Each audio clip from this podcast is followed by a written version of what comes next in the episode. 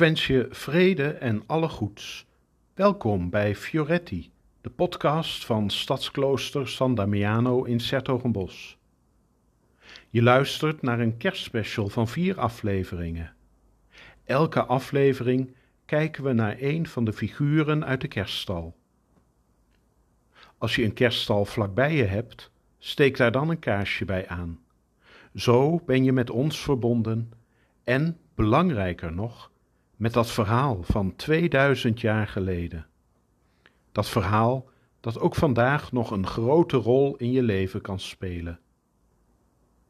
De aflevering van vandaag wordt verzorgd door zuster Elisabeth.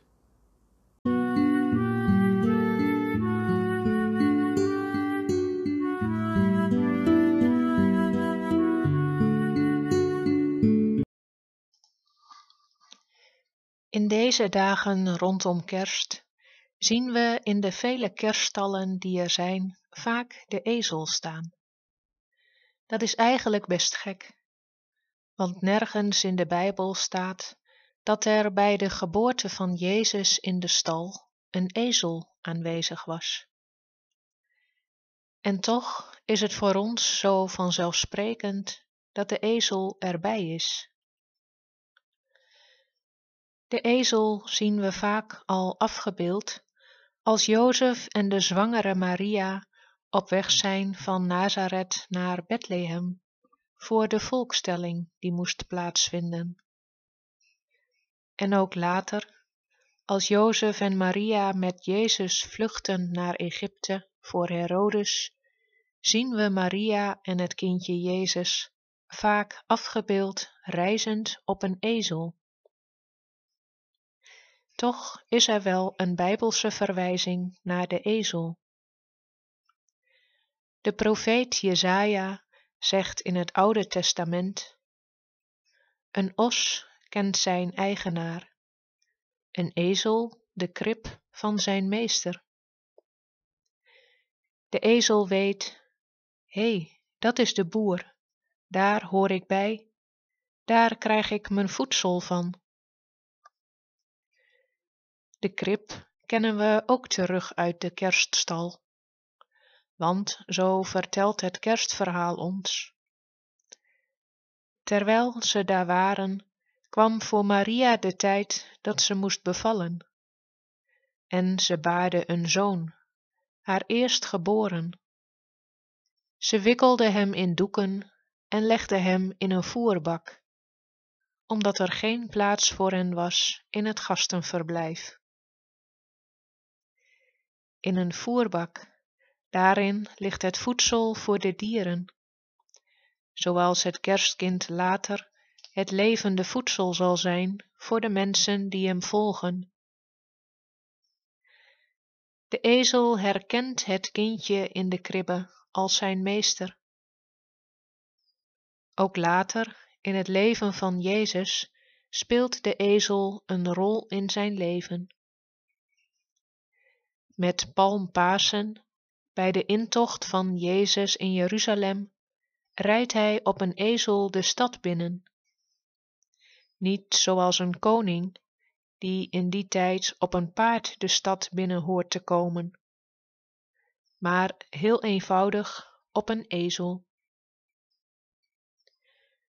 Zo kunnen wij net als de ezel ook in ons dagelijks leven, als we thuis onderweg of aan het werk zijn, Jezus met ons meedragen en laten doorklinken in ons doen en laten, in ons spreken en zwijgen, in onze houding en gedachten.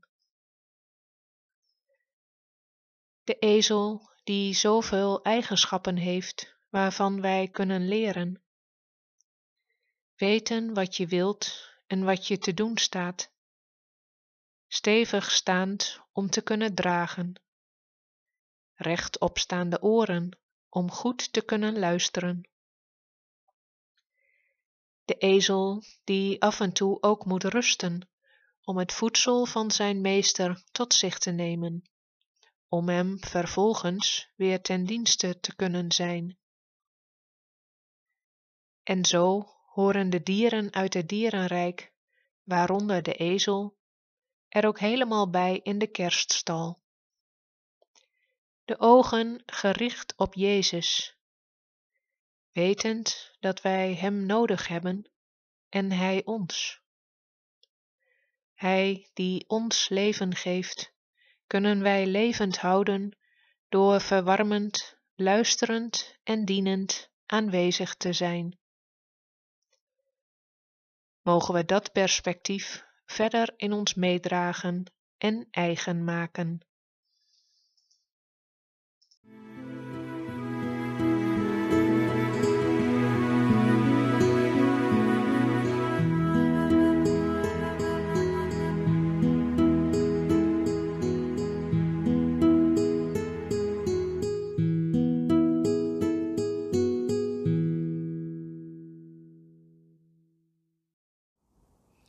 Bedankt voor het luisteren. En mocht je een Franciscaanse kerstviering online willen meebeleven, dan wijs ik je graag op het YouTube-kanaal Assisi aan de Maas. Op 24 december is daar om 21.30 uur de viering van onze broeders in Megen te zien. Dan wens ik je als laatste vrede en alle goeds in deze kersttijd.